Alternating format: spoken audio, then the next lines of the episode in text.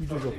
мына краник турбайбы суу чыкпаса бишкектин түштүк батыш ыптасында жайгашкан сары өзөн жаңы конушундагы жүздөгөн үй бүлө ушул тапта ичүүчү сууга зарылап турат. Ушул айылдын тургуну муратбек алыкуловдун айтымында таза суунун тартыштыгы бул айылда жыл сайын жайкысын кайталанат. Биздин элге окшоп огородубуз жок огород сугаралы деп мындай жок только өзүбүздүн ичкенге эле.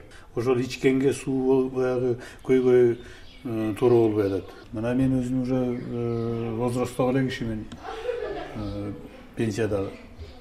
Анан эми баягы тыңдар колунда машинеси барлар машина менен барып алып келе коет экен.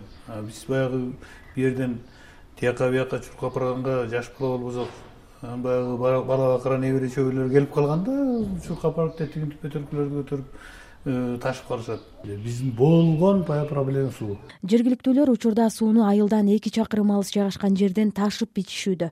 Суу бул жерде деле жарытылуу чыкпайт. Дагы бир тургун нурлан тамыш уулу суу маселеси тууралуу буга чейин кайрылбаган жери калбаганын айтып көйгөйгө жогору жактагыларды көңүл бурууга чакырды. Жана өзүңүздөр көргөндөй тиги биздин сары өзөн новостройкасынан баштап ушул жерге чейин бир жарым километр жерде ушул жерден келип суу алып кетебиз да. Суу маселеси аябай кыйын болуп атат да он литр жыйырма литр суу алып барабыз.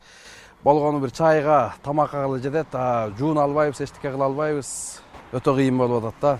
Өзүбүз ушу жыйырма биринчи жылында жашап атып ушу таза суу жок болсо аябай кыйын нерсе экен. Ал эми бийлик өкүлдөрү суунун тартыштыгына элдин өзүн күнөөлөдү бишкек суу канал башкармалыгынын жетекчи орун басары мурадин сейдалиев эл сууну үнөмдүү пайдаланбайт деп билдирди.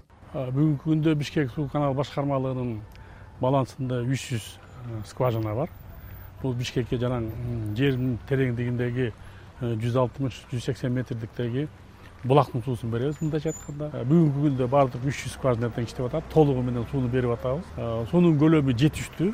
Бирок жайкы мезгилдерде өзгөчө ушул сугат башталганда кээ бир конуштарда ирригациялык система же каралган эмес же толук эмес. Ошондуктан жарандар иче турган сууну сугатка колдонот дагы суунун көлөмү баягы сугатка көп кетип атканга байланыштуу суунун басымы азайып кетет да кээ бир көчөлөрдө болбой калышы мүмкүн. Кошуна колоттор бири бирин сыйлап татынакай мамиле кылса суу баарына жетиштүү.